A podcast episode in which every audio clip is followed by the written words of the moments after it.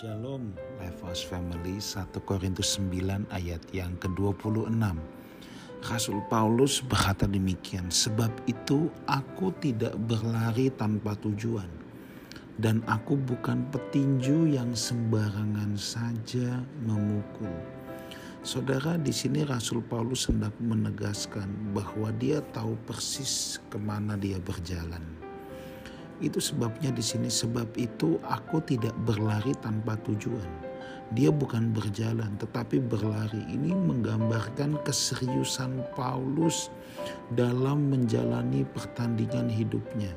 Dia tidak santai-santai tetapi dia tahu bahwa waktu-waktu hidup yang Tuhan berikan kepada dia itu harus dia gunakan sebaik-baiknya untuk kepentingan Tuhan. Makanya aku berlari. Tetapi kalau hanya berlari, hidup ada orang yang hidup dengan penuh semangat, orang hidup dengan penuh ambisi, orang hidup dengan penuh uh, banyak hal-hal yang ingin dia capai, tapi dia nggak tahu tujuan. Makanya Paulus bilang, aku berlari loh. Tapi tahu tujuan, bukan tanpa tujuan. Nah, kita harus giat memang. Nah, kalau kita giat bekerja, ya kita tekun itu bagian dari berlari itu sudah bagus tetapi yang harus ditambahkan di sini adalah kita harus tahu tujuan. Aku bukan berlari tanpa tujuan. Nah, kenapa? Arah hidup itu menjadi sangat penting. Ya, pesawat bisa terbang adalah hal yang baik. Tapi kalau terbangnya tanpa tahu ke mana, ini masalah saudara. Ya. Perahu bisa berjalan di atas air itu baik tetapi kalau nggak tahu mau berlayar ke mana itu akan sesat di ujung karena tidak mengetahui arah.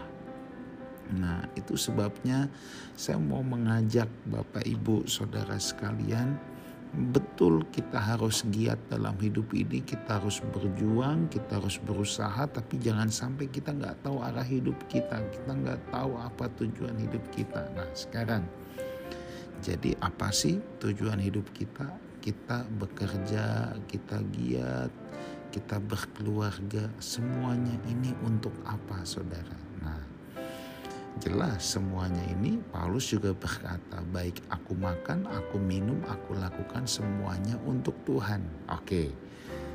Ya, itu pasti semua orang Kristen udah tahu. Tapi mungkin kan kita juga bertanya, oke okay, praktisnya gimana? Semua orang juga bilang melakukan untuk kemuliaan Tuhan. Lalu gimana? Aplikasinya gimana? Semua juga bisa bilang untuk kemuliaan Tuhan. Nah, ada beberapa hal sederhana yang kita bisa mengukur apakah yang kita kerjakan itu untuk kemuliaan Tuhan atau tidak. Hal yang pertama, apakah yang kita lakukan itu memberikan nilai tambah untuk sekeliling kita? Nah, kalau yang kita kerjakan membawa nilai tambah dalam hidup sekeliling kita, pertama-tama dalam hidup pasangan hidup kita, anak-anak kita, saudara-saudara kita, teman-teman kita, itu jelas itu akan membawa kemuliaan bagi nama Tuhan. Itu sudah menjadi indikasi pertama. Hal yang kedua, apa yang aku lakukan ini membuat aku jadi dekat sama Tuhan atau jadi jauh sama Tuhan. Nah, ya kalau cuma membuat kita jadi sombong, merasa diri hebat, merasa diri superior, justru menjadi menganggap orang lain kecil. Hati-hati, jangan-jangan prestasi kita itu bukan untuk kemuliaan Tuhan, tapi untuk kedagingan kita. Tetapi kalau prestasi-prestasi yang kita upayakan ya itu membuat kita tetap rendah hati dan justru tidak membuat kita tinggi hati, justru membuat kita semakin dekat dengan Tuhan karena kita menyadari semua ini karena Tuhan. Itu pun akan membawa kemuliaan untuk nama Tuhan. Ukur yang ketiga, apakah dengan apa yang aku lakukan ini membuat aku semakin mengasihi sesama atau tidak? Kalau membuat kita semakin tidak mengasihi sesama, justru kejam terhadap sesama, saya meragukan. Sebab ada banyak orang yang berkata mengklaim dirinya semakin dekat sama Tuhan, tapi kenyataan hidupnya kejam terhadap sesama.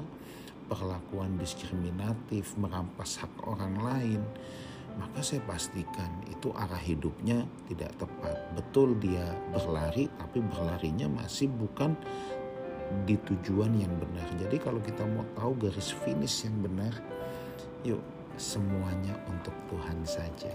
Dengan cara apa? Memberikan nilai lebih untuk orang lain, membuat kita makin dekat dengan Tuhan, dan membuat kita semakin mengasihi sesama. Tuhan Yesus menyertai kita semua. Amin.